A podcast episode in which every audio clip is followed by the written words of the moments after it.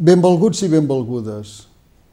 Dante Alighieri, de qui celebrem aquest setembre el setè centenari de la seva mort, és un dels grans poetes que ha donat la història de la humanitat. La Divina Comèdia de Dante ha de ser considerada com una de les obres mestres de la literatura universal, al costat d'altres autors no menys importants com Homer, Goethe, Cervantes, Victor Hugo, Dostoyevsky, Tolstoi o Shakespeare, per mencionar-ne alguns dels més coneguts. Tots aquests autors són profuns coneixedors de l'ànima humana i la seva lectura és indispensable per comprendre la nostra condició. En el cas de la Divina Comèdia, es tracta d'una obra de finals de l'època medieval que presenta una visió del món molt diferent de la nostra. En ella ens parla una altra època i ens diu coses que segurament no encaixen amb la nostra concepció del món modern.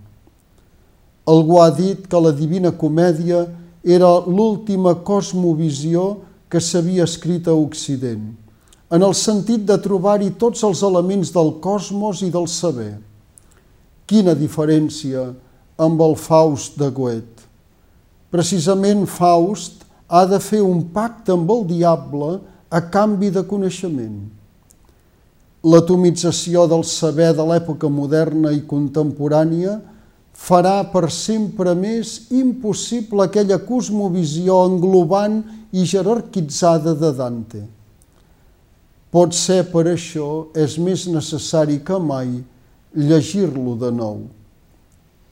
L'aspecte més important a tenir en compte, tanmateix, és que la Divina Comèdia ofereix una visió teològica, aparentment desapareguda avui. La religió, en efecte, no forma part de la cosmovisió de l'home modern. I hem guanyat amb aquest canvi? Es tracta realment d'un progrés? No s'admet una resposta simplista o precipitada.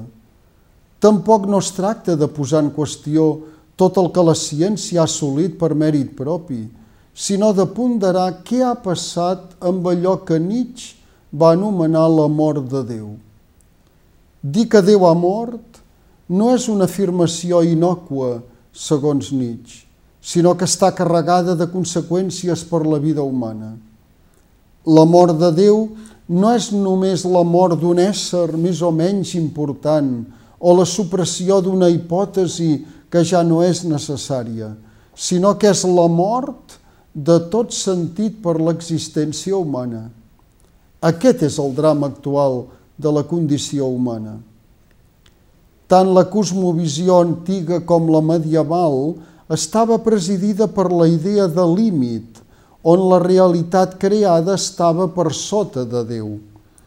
Aquesta idea va desaparèixer amb la ciència renaixentista, on no sols no hi ha límits, sinó que tampoc no es té per centre l'home, com sí que passava abans. És una concepció de l'univers que ha exclòs tot el que és humà, sentiments, valors, etc., ho ha exclòs de la pràctica de la ciència en favor d'una objectivitat matemàtica i geomètrica que ens ha conduït a la barbària, palesada en la possibilitat d'autodestrucció del nostre planeta. La lectura o relectura de la Divina Comèdia no sols ens pot dir coses, sinó que ens pot ajudar a repensar la nostra cosmovisió precisament perquè ens aboca un món que no és el nostre, pot posar en qüestió coses que nosaltres tenim per evidents i inqüestionables.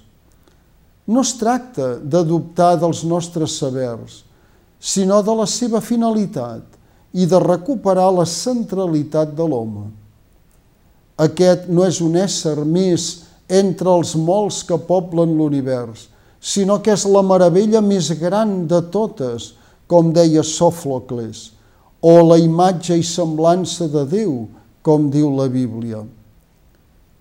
El papa Francesc, en la seva recent carta apostòlica Candor Lucis Eterne, amb motiu del setè centenari de la mort de Dante, ens exhorta a acollir el seu testimoniatge i a deixar-nos il·luminar per la bellesa de la seva literatura i la profunditat del seu pensament.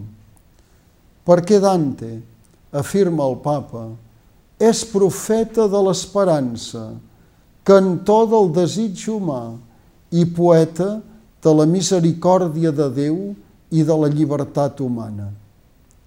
Adéu-siau i fins la setmana vinent, si Déu vol.